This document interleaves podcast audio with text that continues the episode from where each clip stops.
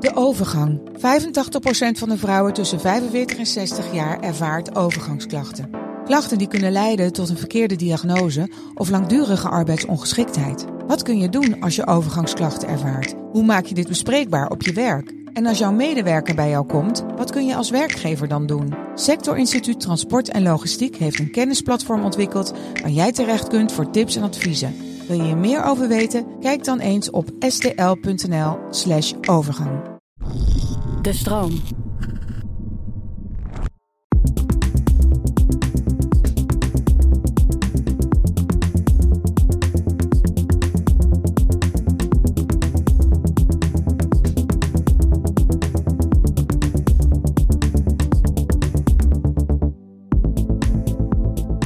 Fijn dat je luistert naar de Podcast Psycholoog. Een podcast waarin ik, Marissa van der Sluis, samen met andere psychologen in gesprek ga over belangrijke onderwerpen. Om zo met z'n allen onszelf en anderen beter te leren begrijpen.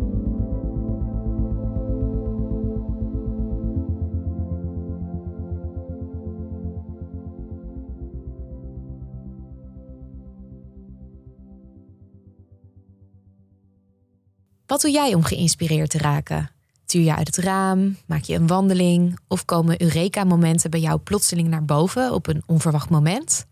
In deze aflevering gaan we in op wat inspiratie is, waarom het zo belangrijk is voor de wereld en hoe jij met meer momenten van inspiratie je gedroomde doelen kunt behalen. En daar gaan we het vandaag over hebben met Ab Dijksterhuis. Ab Dijksterhuis is hoogleraar psychologie aan de Radboud Universiteit Nijmegen en schrijver van een aantal boeken, waaronder Het slimme onbewuste, Op naar geluk en natuurlijk het boek Inspiratie, dat onlangs is uitgekomen en waar we het uh, uitgebreid over gaan hebben vandaag. Welkom, Ab. Dankjewel. Uit Nijmegen afgereisd. Ja. Je moest even eh, schuilen voor de regen.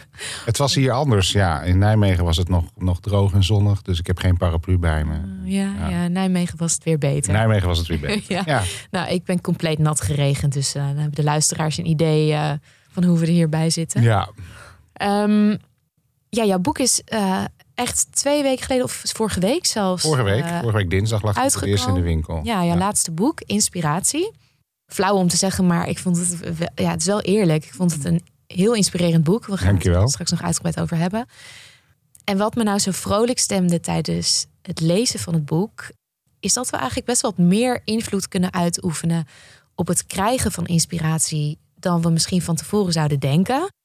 En ben je het niet met me eens dat juist in deze tijd, waarin onze toekomst er eigenlijk niet al te rooskleurig uitziet, we wel wat extra inspiratie kunnen gebruiken? Om niet in een soort ja, verlamming te blijven hangen, zeg maar. Maar om voor, echt vooruit te komen. Ja. Hoe zie jij dat? Nou, zeker. Ik denk dat dat, misschien is dat ook wel weer van alle tijden. Maar het is wel zo dat, dat uh, vernieuwingen en veranderingen uh, en verbeteringen in de wereld. die beginnen altijd met een moment van inspiratie. En er zijn inderdaad een aantal dingen. Misschien de klimaatcrisis het allerbelangrijkste die vragen om uh, verandering van gedrag, maar ook om inspiratie, om, om nieuwe dingen te verzinnen, zodat we daar toch uh, beter mee om kunnen gaan. Dus, dus uh, inspiratie en creativiteit zijn denk ik inderdaad dingen die we, die we hard nodig hebben. Ja, want we kennen het gevoel van inspiratie, denk ik, allemaal wel. Mm -hmm. maar ik denk dat weinig mensen weten dat er ja, gedeeltelijk onbewust ook een heel proces aan vooraf gaat. Ja. Ja, en kan je beginnen uit te leggen wat inspiratie nou precies inhoudt? Dus wat de kenmerken zijn? Ja, ik onderscheid in het boek eigenlijk drie vormen van inspiratie. Dus, dus de eerste, dat is, je zou het de roeping kunnen noemen of de evocatie. Dat is het moment of de momenten dat je ineens beseft wat je moet doen. En soms kan dat heel groot zijn, dat je zelfs beseft wat je moet doen met je hele leven. Mark Twain heeft ooit gezegd... Uh, de twee belangrijkste dagen in je leven zijn de dag dat je geboren wordt en de dag dat je beseft waarom. He, je kunt uh, als jongen van 13 uh, televisie kijken en David Bowie op tv zien en, en denken: ik wil ook uh, rockster worden. En Ja. dat denken natuurlijk veel mensen, maar af en toe gebeurt het dan ook. Bijvoorbeeld bij de zanger van The Cure, dat, dat ging letterlijk zo. Um, dus dat is, dat, is, dat is de eerste vorm van inspiratie. De tweede vorm. Dat is een hele grootste vorm van ja, inspiratie. je zou kunnen zeggen dat is een hele grootste vorm.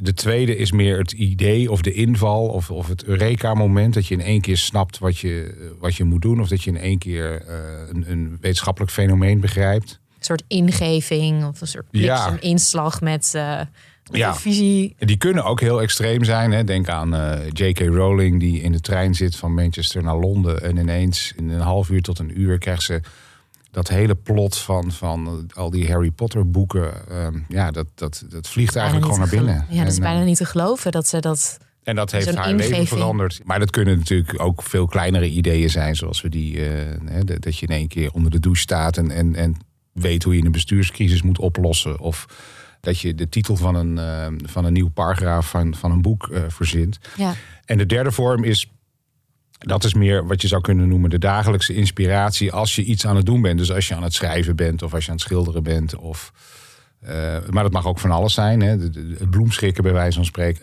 Dan, dan kom je soms in een soort flow en dan gaat het echt heel erg goed. En dan heb je het gevoel dat je onbewuste eigenlijk heel rechtstreeks met jou communiceert. En dat, dat, zou dat is de derde vorm van inspiratie. Mhm. En dat kan dus wat langer over tijd zijn.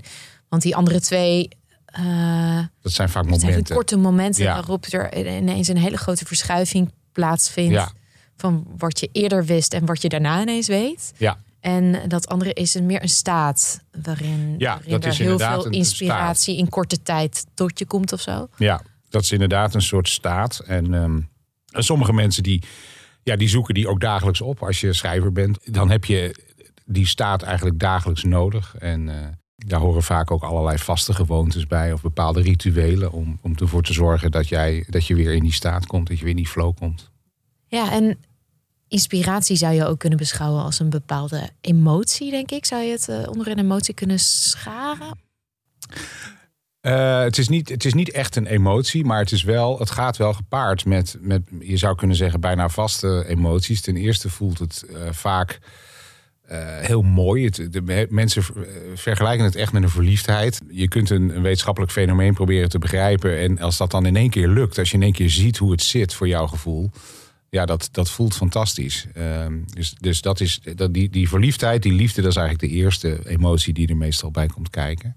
Nou, je kunt je ook weer voorstellen dat J.K. Rowling in de trein heel opgetogen was. Toen ze in één keer wist welke Ja. boeken ze de komende jaren moest gaan schrijven. Wat een fantastisch idee. Ja, dat is natuurlijk ook een heel extreem voorbeeld. Ehm, en de, de, de tweede is dat het je vaak energie geeft. Dus je hebt niet alleen een idee, maar je, je krijgt ook extra energie om het uit te gaan voeren. En de derde is vaak ehm, dat het een beetje magisch voelt. Eh, heel lang hebben mensen gedacht, nou ja, vroeger dachten de, de oude Grieken dat inspiratie van de muze kwam. De, de negen dochters van Zeus, die, die s'nachts bij denkers en dichters allemaal dingen influisterden die ze dan konden delen met, met de rest van de mensheid. En in de middeleeuwen kwam het van God. En nu weten we dat het onze eigen onbewuste processen eh, zijn. Maar door dat magische gevoel, dat, dat is wel, dat, je zou kunnen zeggen, dat is eigenlijk een heel slim mechanisme van het brein. Voelt het heel dwingend. Je moet er iets mee. Ja, ja. Echt, echte momenten van inspiratie kun je niet negeren. Die, die, eh, die- het is eigenlijk gewoon, je zou kunnen zeggen, de, de, je eigen onbewuste, dat je op een liefdevolle, maar dwingende manier vertelt wat je moet doen. Ja, en dat moet dan ook goed voelen, want dat gevoel wil je ja, najagen op een bepaalde manier. Ja, is dat de eh, functie dan van Nou, ik denk wel dat. ehm, ik denk zeker dat mensen eh, positieve emoties zo lang mogelijk vast willen houden. Ja. Dus je gaat dat, dat, is, dat is ook een reden dat, het, eh, dat je iets met die inspiratie gaat doen.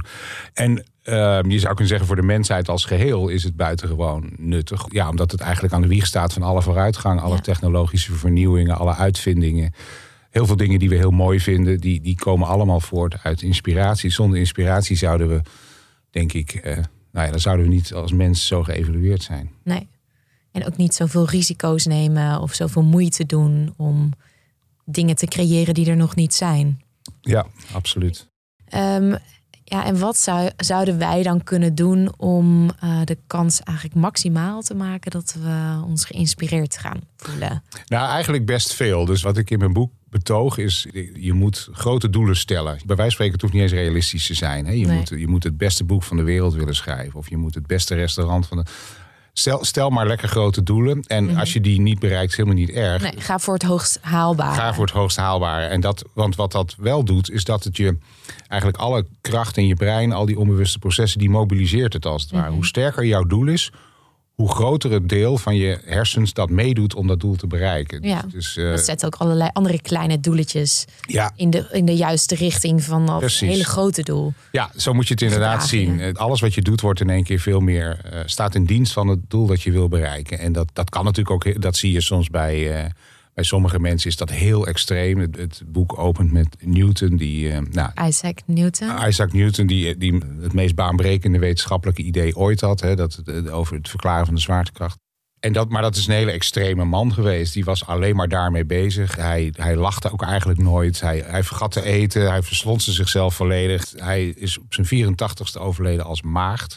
Liefde vond hij ook niet. Nou ja, liefde voor, liefde voor zijn vak. ja, Niet, ja. en, en Liefde zo extreem hoeft het natuurlijk. Ja, zo extreem hoeft het natuurlijk ook niet. Maar het is. ehm, Het geeft wel aan hoe, eh, ja, dat doel, hoe dat doel allesomvattend kan zijn. Ja, precies. Elke Ja. gedraging alleen nog maar in het teken staat van dat doel. ja, precies.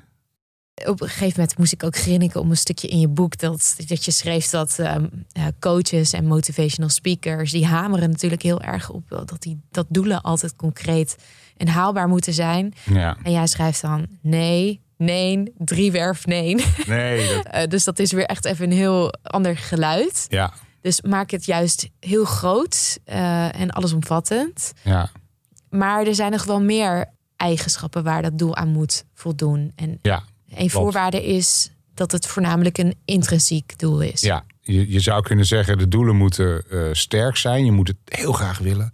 Ze moeten groot zijn of groots. Dus inderdaad geen smart. Eh, die, die doelen zijn ook handig voor andere dingen. Als je Ja. wil afvallen of zo. Maar daar hebben we het hier niet over. Nee, niet voor, daar hebben we het hier niet over. En het derde is inderdaad ehm, dat doelen intrinsiek moeten zijn. Anders hou je het niet vol. Dus je moet het oprecht leuk vinden om te doen. Je moet beter willen worden in iets.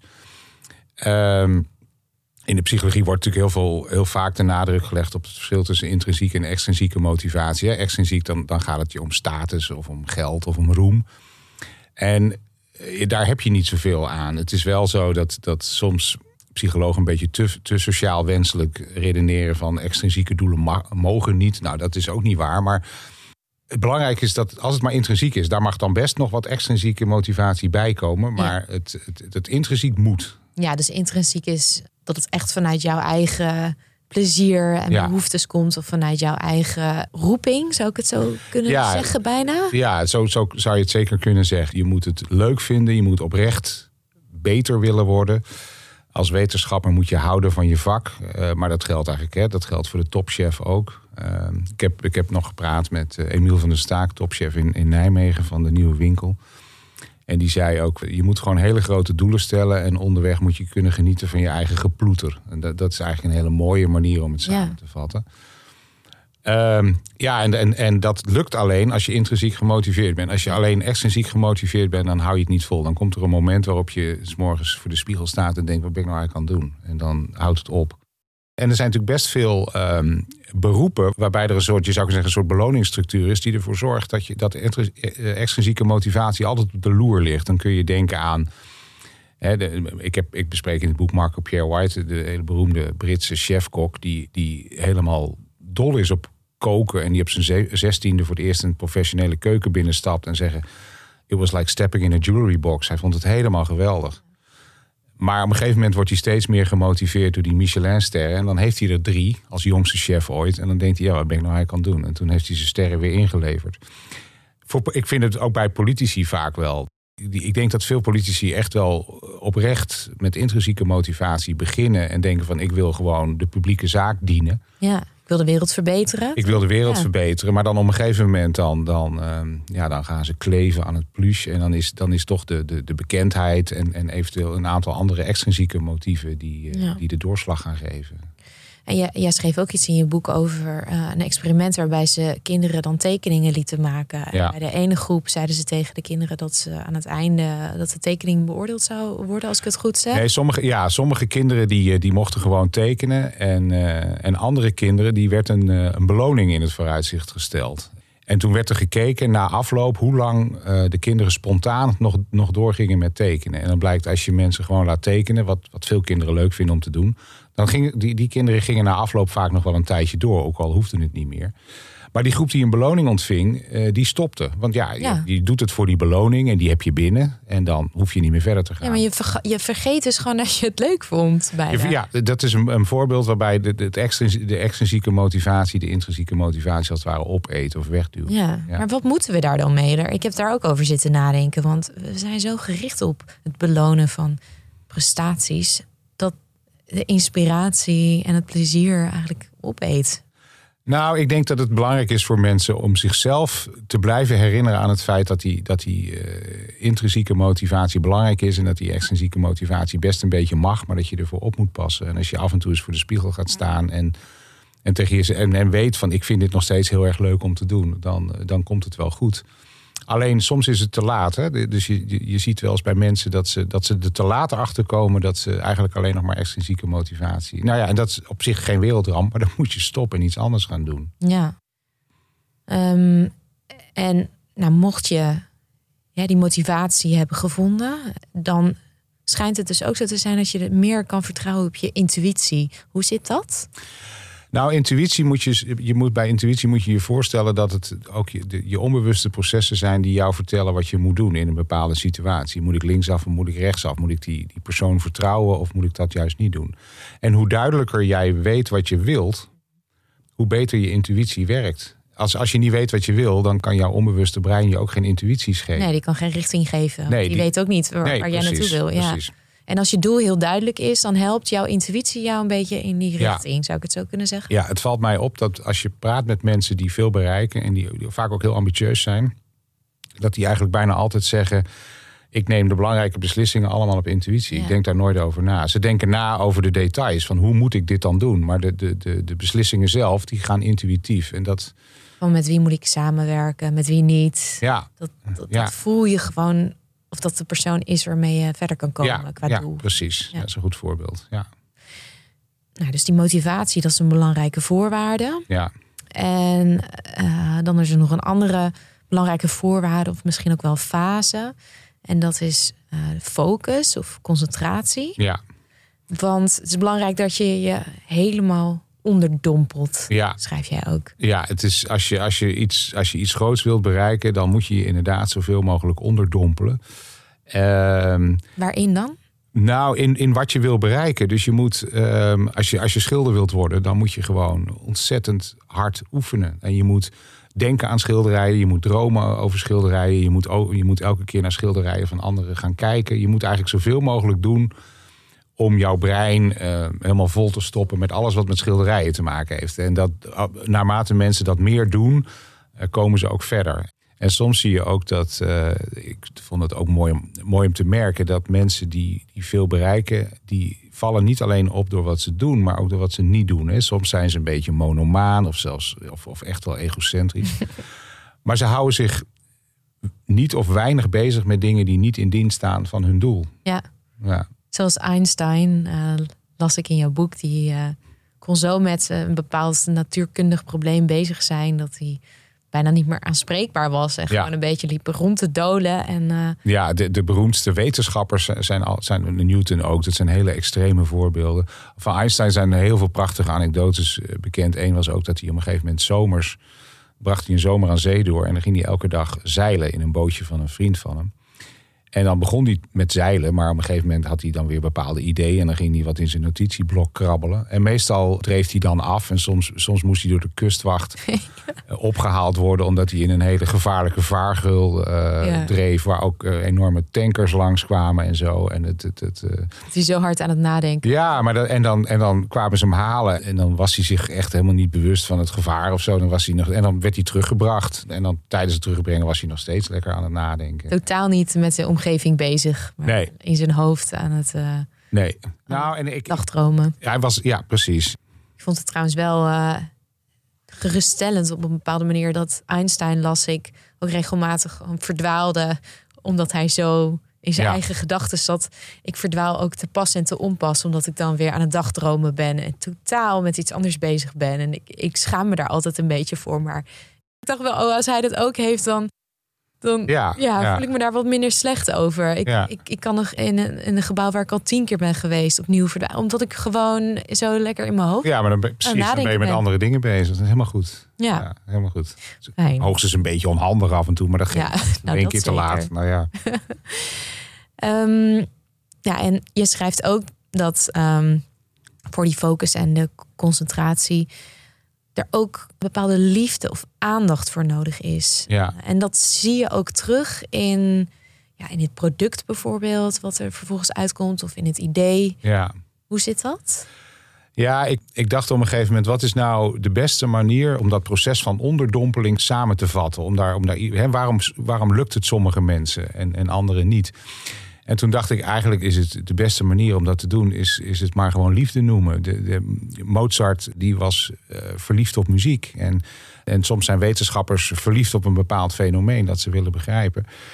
En inderdaad, de, de liefde die je stopt in iets, die zie je terug. En, en ik, ik gebruik in het boek een voorbeeld dat ik, eh, dat uit, uit het leven gegrepen. Dat vroeger, maar mijn moeder is inmiddels overleden, maar toen zij nog leefde en ik, als ik haar bezocht, dan nam ik altijd een bos bloemen mee. Zij hield van bloemen, ze was ook de dochter van een bloemist.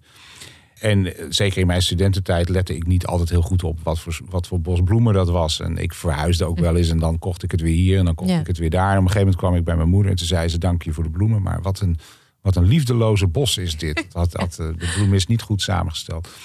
En eh, dat is altijd blijven hangen. En ik Ja. heb zelf de indruk eh, dat ik het eh, herken in restaurants. Je kunt, je kunt soms iets eten dat met zoveel liefde gemaakt is en een andere keer iets waarvan je meteen Ja. proeft oh, en ook al ziet van dat is op een bord gekwakt. Niet bij nagedacht. Niet bij nagedacht. En- Elke keer en- hetzelfde gemaakt. En ja. ja, niet met aandacht Nee, eh, precies. gemaakt. Zo- En dat ziet staat het zo los van goed. het niveau. Hè? Dus Ja. dat, dat kan bij friet zijn en dat kan ook in een Michelin-restaurant. Kunnen, kan het liefdevol en liefdeloos zijn. Dit is ook zelfs wel empirisch getest. Eh, proefpersonen in een, in een leuk experiment. Die werden gevraagd om een, eh, allemaal een gedicht te schrijven. En daarna werden er wat vragen gesteld over in, bijvoorbeeld in hoeverre voelde je je nou geïnspireerd.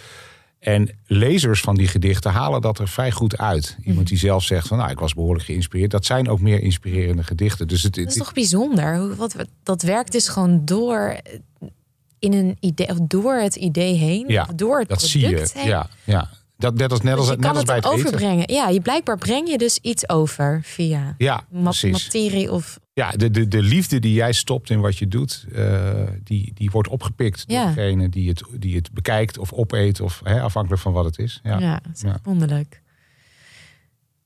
En dan een andere voorwaarde Ja, voor eh, het vergroten van de kans van het krijgen van inspiratie ja, is stimulatie. ja, Eh, dus ja, een soort van het voeden en het opschudden van je brein. ja. Kun je uitleggen wa- wat je daarmee bedoelt? Ehm, ja, ik hou zelf inderdaad van de, van de, van de term opschudden. Eh, je, je moet je brein als het ware eh, verrassen. Je moet het eh, dwingen om nieuwe associaties te leggen. Ehm, je moet het een beetje uitdagen. Een, een ingeslapen brein, dat, dat doet niet zoveel. Eh, dat moet je niet elke keer, dat moet je niet continu doen. Maar er zijn periodes in zo'n heel proces waarbij je grote doelen wilt bereiken. Dat het belangrijk is dat je je de poel opschudt. Dat kan natuurlijk op allerlei manieren. Je kunt praten met andere mensen, je kunt op reis gaan, je kunt naar theater gaan. Maar eigenlijk kun je zeggen, schrijvers moeten boeken lezen. En eh, eh, schilders moeten naar schilderijen van anderen kijken. Maar ook, an- ook, ook kruisbestuiving. Schilders moeten lezen en schrijvers moeten naar, naar schilderijen kijken. Er zijn allerlei manieren Zowel om binnen je brein- eigen gebied eh, kun Ja. je je brein uitdagen door Ja. naar collega wetenschappers te luisteren in jouw geval. Eh, naar andere kunstwerken te kijken. Ik was laatst in het Van Gogh Museum en daar viel het me op dat Van Gogh ook heel veel met andere schilders praten. Dat ze Ja. veel technieken volgens mij uitwisselden. En ze Ja. bleven bij elkaar logeren. En hij probeerde ook echt van alles uit. Hij ging naar Japan en had ineens een soort van Japans-achtig kunstwerk. Ik dacht, Ja. ik wist helemaal niet dat Van Gogh dat Ja. ook had gemaakt. Dus hij deed dat. Ja, het, Veel. het, eh, het valt me. het- veel, veel mensen die, die veel bereikt hebben, die reisden ook veel. Sommigen waren heel extreem. Mozart die heeft toch ook een derde van zijn leven was die ongeveer op reis.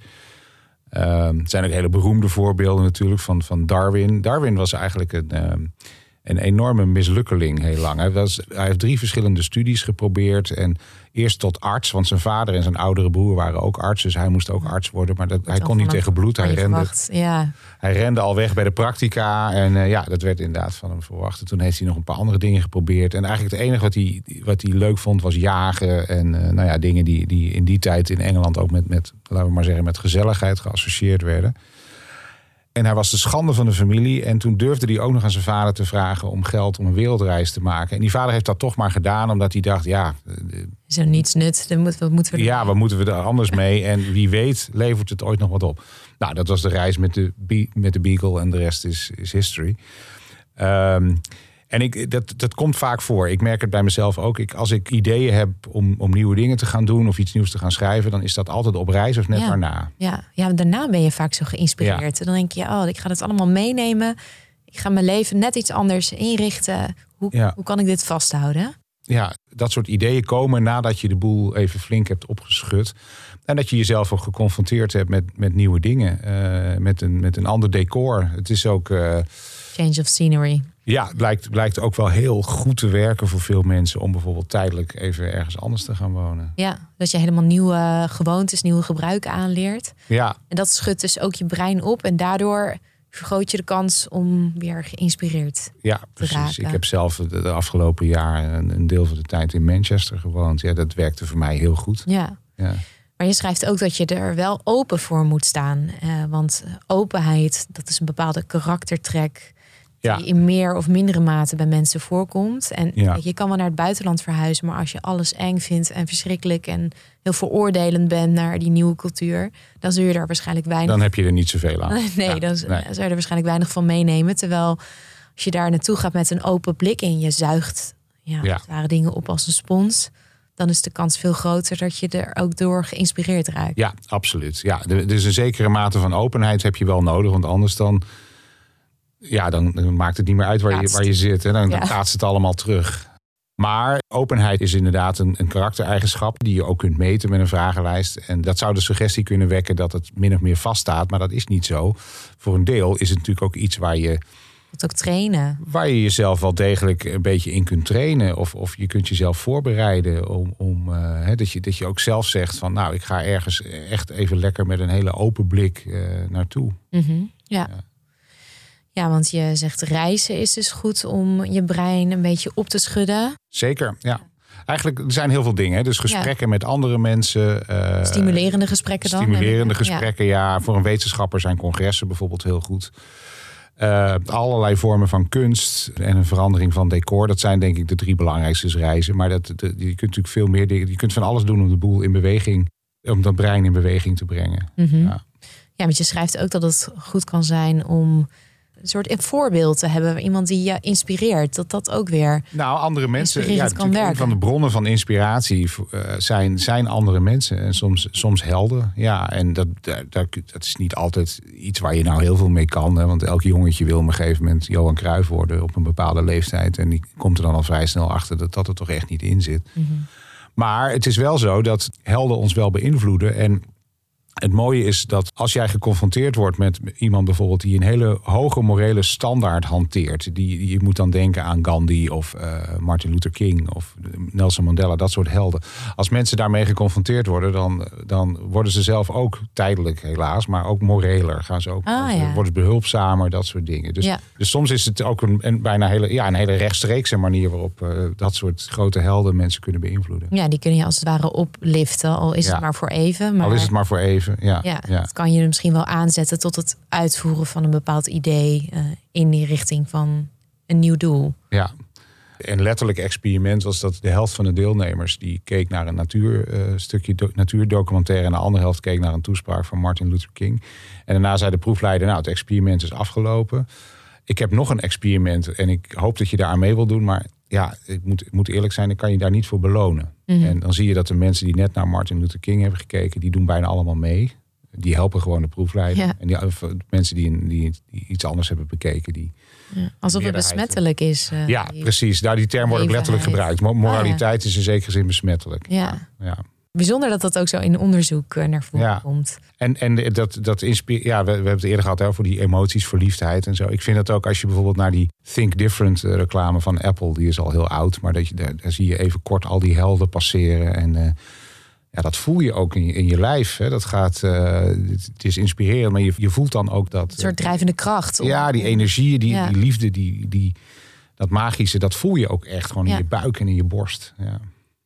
En over gevoel gesproken, je had het net al even over een, ja, natuurdocumentaires kijken. Mhm. Eh, ik heb vaak dat als ik, eh, ja, ook zelfs al bij natuurdocumentaires, maar ook, ook zelf in de natuur. Ik ja. heb het ook bij, bij kunst, kan het ook in een museum hebben.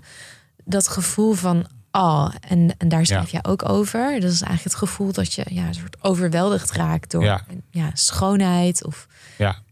inspiratie. Er zijn een aantal ehm, emoties die vaak eh, leiden tot inspiratie. Dat je ontroerd bent bijvoorbeeld. En de mooiste is inderdaad wel, ja, dat in, de, in de internationale literatuur heet het awe.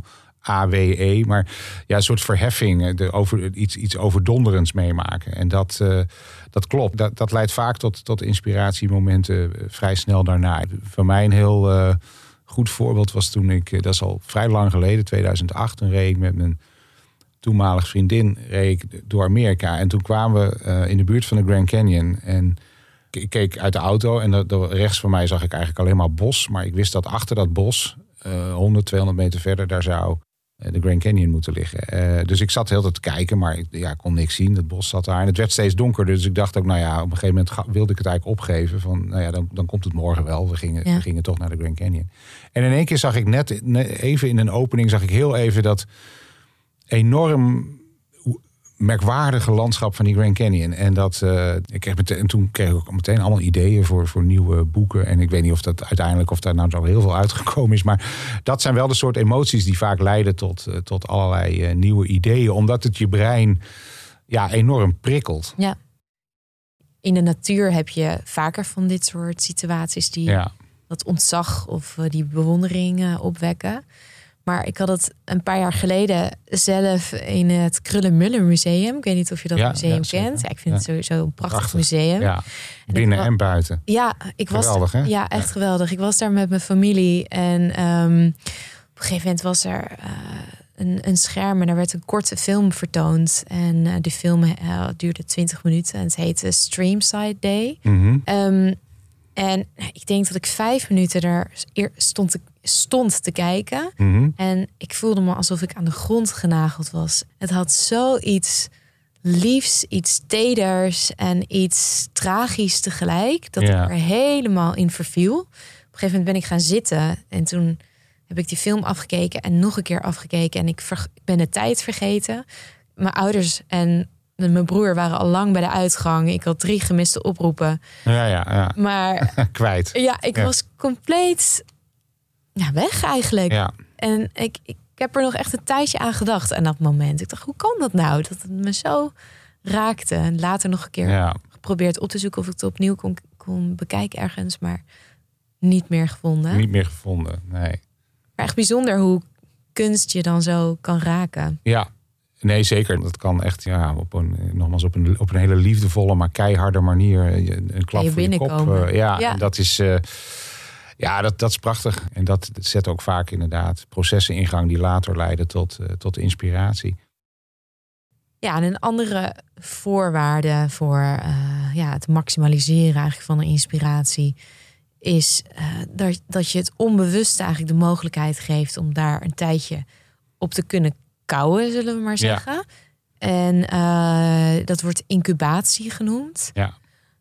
Ehm, ja, kun je uitleggen hoe dat werkt? Jij weet natuurlijk veel van het onbewuste. Je bent echt eh Ja, dat is, die daar veel onderzoek naar doet. Ja, dat, is ook, eh, dat was ook wel een beetje het startpunt van het eh, boek. Ik, ik ben al heel lang gefascineerd door die aha-erlevenis of Eureka-moment, hoe je het ook wil noemen. Hoe krijgen mensen nou dat soort ideeën, dat soort invallen?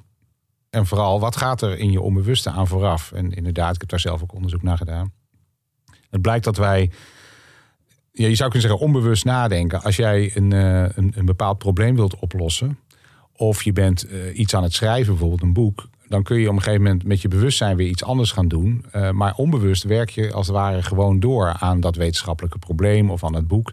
We weten inmiddels zelfs dat er tijdens de slaap nog, nog belangrijke cognitieve processen spelen die, die behulpzaam zijn mhm. bij, bij, dat soort, bij dat soort dingen.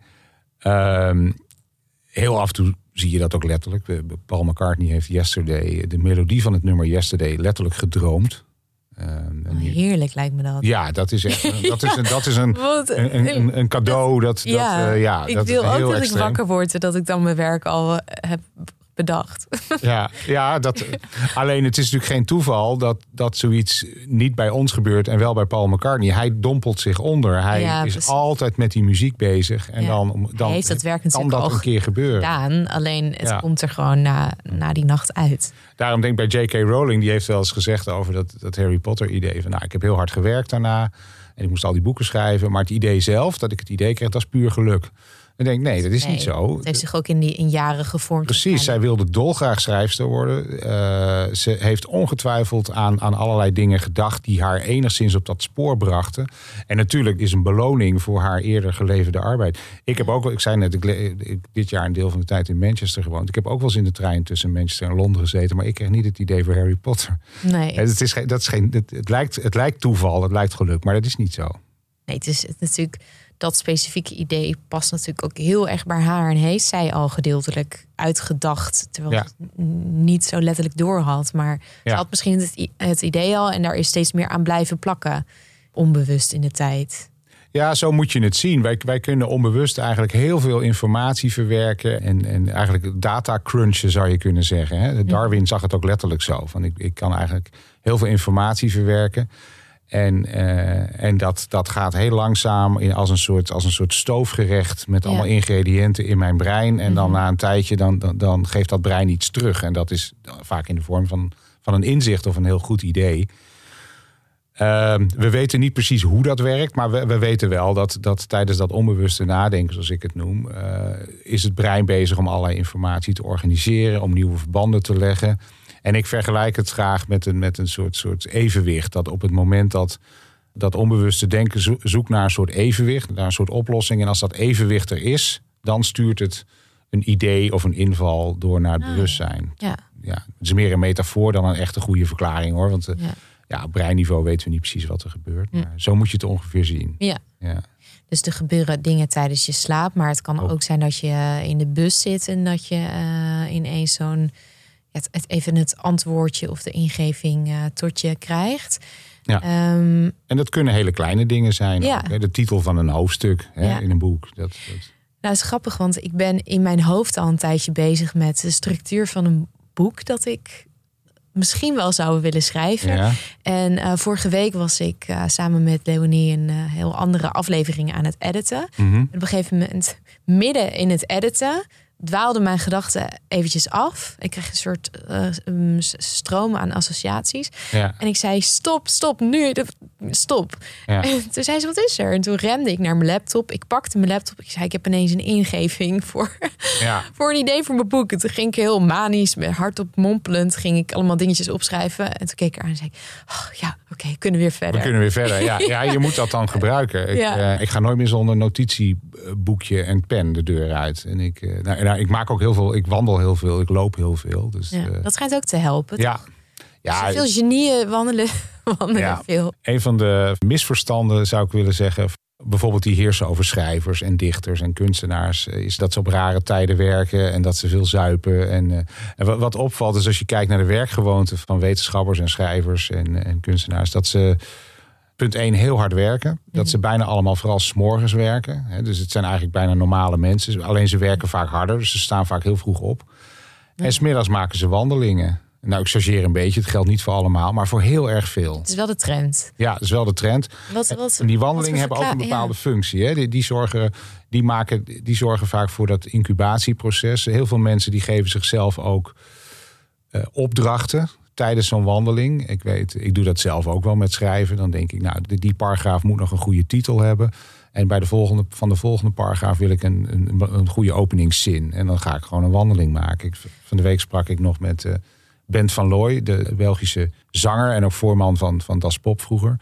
En die deed dat ook. Die maakt wandelingen, zei hij. En dan wil hij een, een melodie voor een nieuwe song verzinnen. Ja, maar daar ga je, moet je dan niet heel bewust over na gaan denken, toch? Dus het is goed om juist even uh, lekker muziekje te luisteren of op je omgeving te letten en het onbewuste ja. dan het werk te laten doen, zodat je misschien na die wandeling ja, weer je moet een, verder bent. Want anders ja. verpest je het weer met je. Ja, je moet, je, je moet de boel niet gaan forceren en het, het lukt ook niet altijd, maar je, je, je moet in een soort meditatieve staat terechtkomen eigenlijk. En daarom zeiden wetenschappers hadden het vroeger altijd al over bed, bad en bus. Hè, dus in bad. Um, in het, uh, s morgens in bed, als je, als je wakker wordt, maar je ligt nog een beetje te sudderen voordat je eruit gaat. Dat zijn momenten waar, waar mensen vaak goede ideeën krijgen.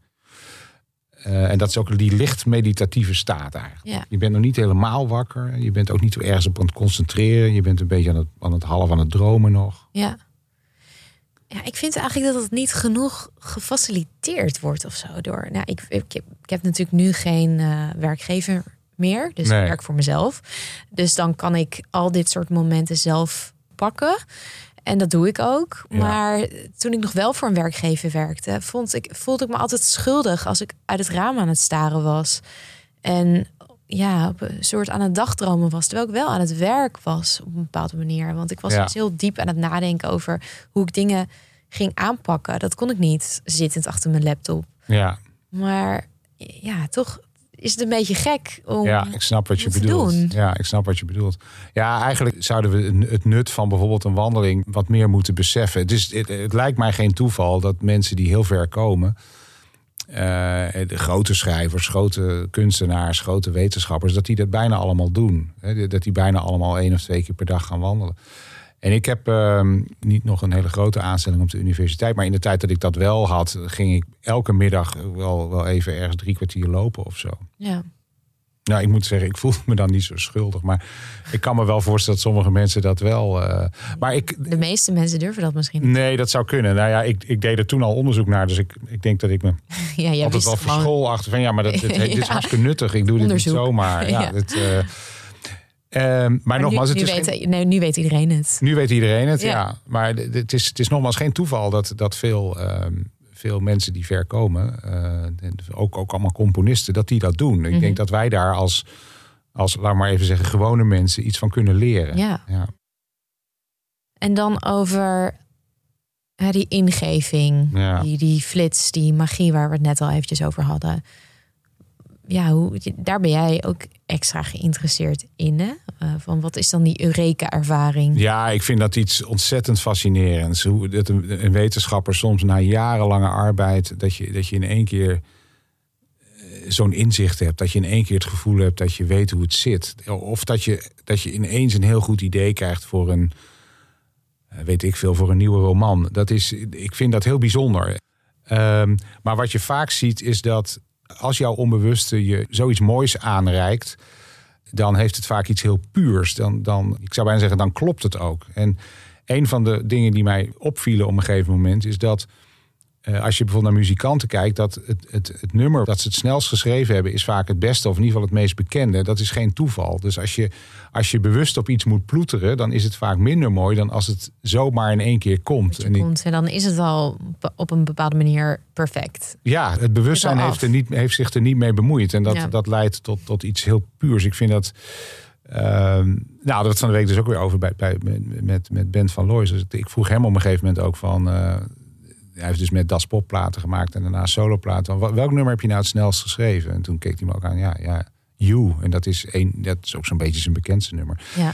Het, het, het leuke is dat het ook wel soms eh, frustrerend is. Ik, er zijn ook voorbeelden bekend van. eh, nou, Soundgarden bijvoorbeeld, als een band die hun bekendste nummer heet Black Hole Sun. En dat hebben ze echt in een kwartier in elkaar geflanst. En dat, dat vonden ze eigenlijk best frustrerend. Dat, dat, Dat iedereen dat het beste dat vond. iedereen dat het beste vond. Word je eh, bejubeld om iets waarvan je denkt, ik heb hier nauwelijks... ja, dat, dat, moeite eh, voor gedaan. Ik heb er helemaal geen moeite voor gedaan. En, eh, en al die bloed, zweet en tranen, dat hoeven ze dan niet. En, eh, je kunt de kans vergroten dat je dat soort dingen meemaakt. Maar dat kun je ook weer niet keihard afdwingen. Dat zou Sturen. heel mooi zijn. Maar Nee. eh, ja. En eh, wat ik ook wel mooi vond om te lezen, dat sommige mensen die dus zo'n er- Eureka-ervaring hebben en er komt echt iets heel echt iets plotseling tot hun, dat ze er ook wantrouwig van kunnen Ja. worden. Van wow, is dit dan niet gekopieerd? Of Ja. dit kan toch bij, dit is zo simpel, zo kan het niet zijn. En ik moest, het is, ik heb, het was geen heel grote, grote Eureka-ervaring, maar ik weet dat toen ik deze podcast wilde maken, dat ik de naam al meteen wist. Ja, Podcast, psycholoog. Ik kan Ja. het zelf niet, niet eens per se supergoed uitspreken, dus het is geen handige naam. Maar ik dacht wel, dit moet het worden. En ja, ja. Later heb ik een paar keer nog over getwijfeld. Dat ik dacht, maar moet ik niet iets anders doen? Het is te simpel. En, en nu ben ik er toch wel blij mee dat ik bij mijn oorspronkelijke idee ben gebleven. ja, Dat is best een heel handige naam. ja. Ehm, maar dat wantrouwen, dat ken ik wel naar mijn eigen Ja. eerste ingeving. Ja, wetenschappers die snappen ineens hoe iets zit. Of die hebben een mooi idee. En dan is het zo simpel dat ze eerst denken van... ja, maar dat heeft iemand anders al lang. Ja. En dan ga je dat checken en dan blijkt dat gelukkig mee te vallen. En ja, je kan het met, met melodieën... eh, kun je het ook voorstellen. Hè, dat, dat, eh, Klinkt al zo bekend al ja, van dat, jezelf. Paul McCartney dacht natuurlijk ook bij Yesterday... van ja, dat heb ik eergisteren gewoon ergens gehoord. Ja. En dat, de- die was doodsbang dat die plagiaat... eh, Ja. en pas na een paar weken, toen had hij natuurlijk de, de rest van de band erbij gehaald en zo. Toen bleek toch wel dat het echt van hem was. Dus de, soms is er inderdaad eh, enige argwaan. Ja, dat klopt. En dat, dat heeft ook te maken met het feit dat, dat die ideeën dan vaak zo... Ja, dat ze kloppen. Er zit iets harmonieus in, iets heel moois. En dat zorgt ervoor dat je, dat je denkt van... ja, maar dat bestond al, dat is niet van mij. Nee. Ja, Ehm, en toch is die, ja, die scheut van inspiratie die je dan krijgt, of dat Eureka-moment, is niet per se geluk, maar het is dus een beloning van alles wat Ja. er daarvoor is gedaan en gebeurd, van je artistieke inspanning. En dan komen we eigenlijk bij de volgende voorwaarde van Mhm. inspiratie. En dat is transpiratie, zoals jij dat noemt. Dat is gewoon Ja. hard werken. Ja, transpiratie en inspiratie worden vaak tegen elkaar afgezet. Hè? Dat, dan wordt er gezegd, eh, nou, dit boek is 90% transpiratie en 10% inspiratie.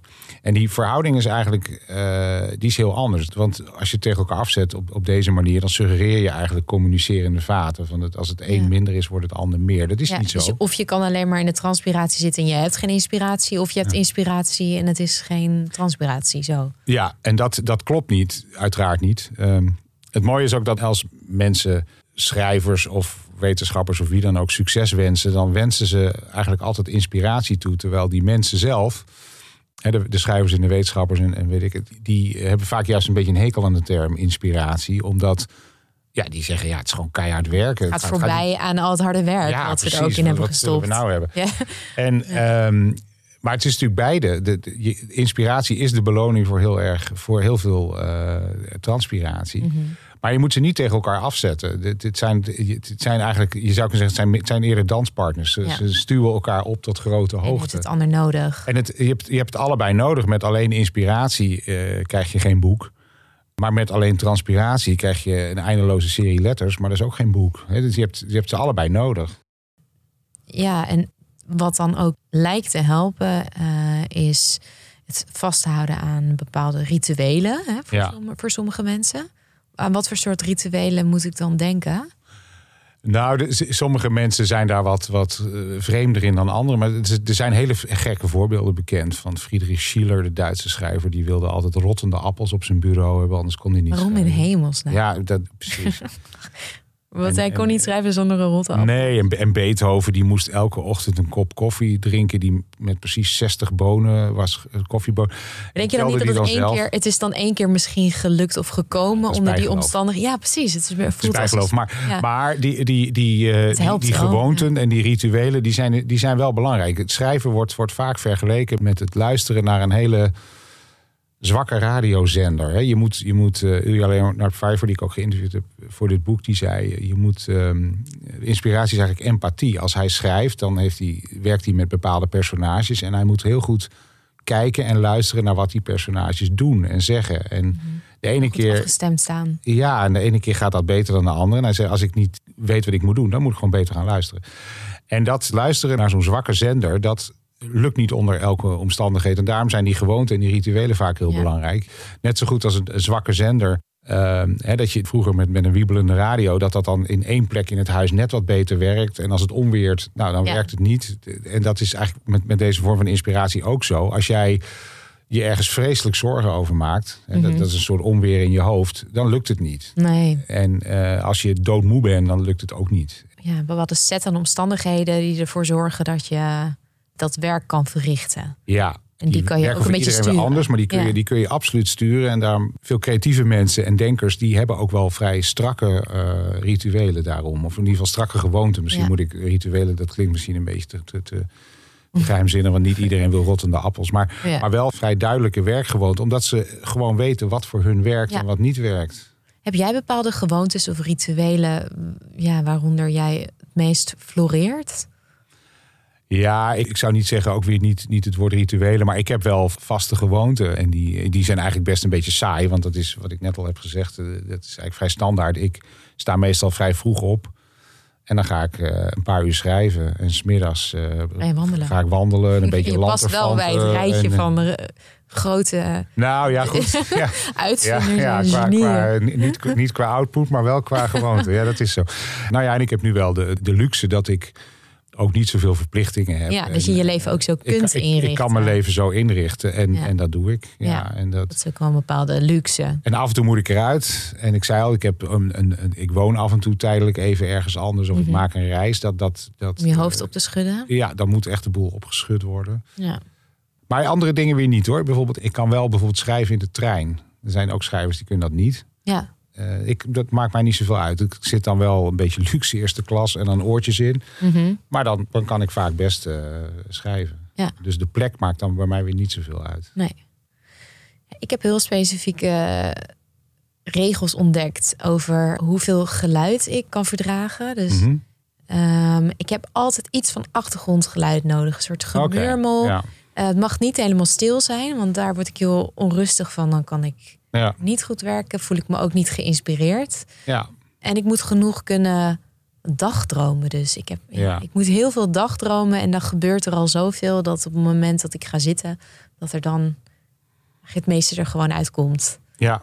In plaats van dat ik acht uur achter mijn computer ga zitten. Dat is gewoon echt niet voor mij weggelegd. Nee, ik denk dat, dat dat eigenlijk, als je meer creatieve dingen doet, dat dat bijna voor niemand is weggelegd. Ik zei dat schrijvers werken en, en, en wetenschappers, ze werken allemaal keihard. Maar dat is voor een deel natuurlijk onbewuste arbeid. Ik denk niet dat er heel veel schrijvers zijn die langer dan vijf uur per dag echt achter die laptop zitten te schrijven. En, en sommigen die zijn misschien al veel eerder leeg voor die dag. Eh, Ja. eh, Ja, want de pieken en dalen zijn misschien wat groter als je Ja.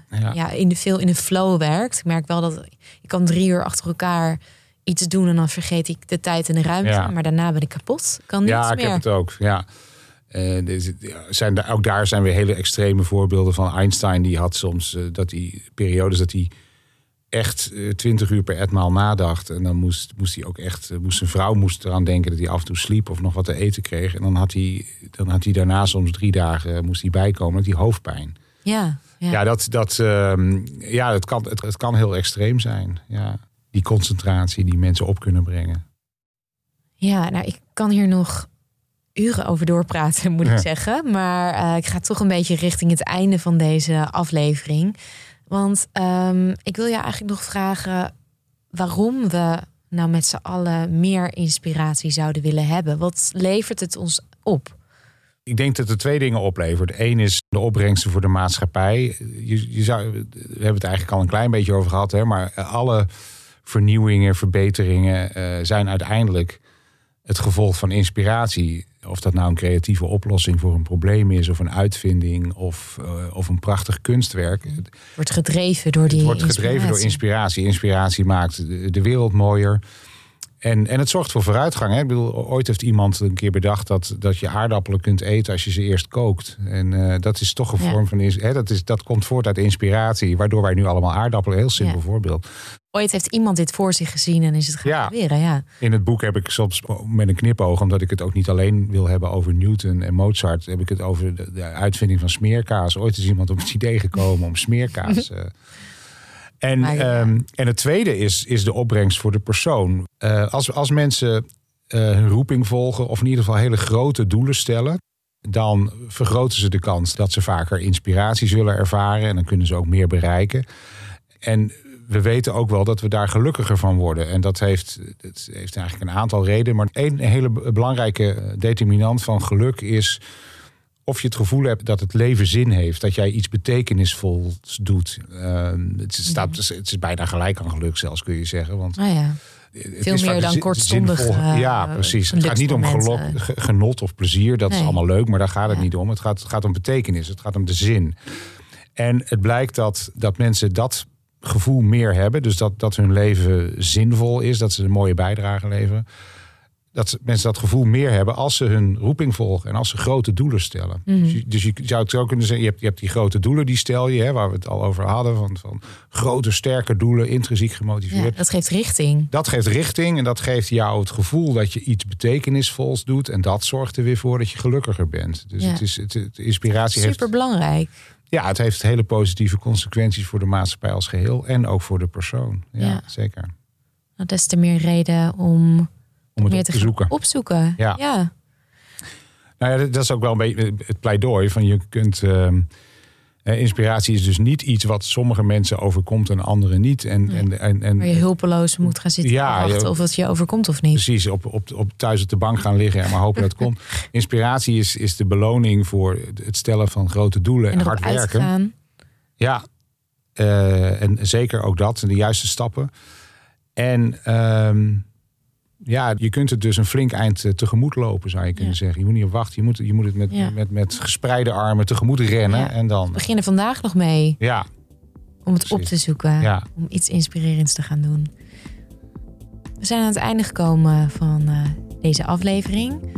Ab, dank je wel voor je komst. graag gedaan. Ik vond het erg leuk. Ik ook. Dank je.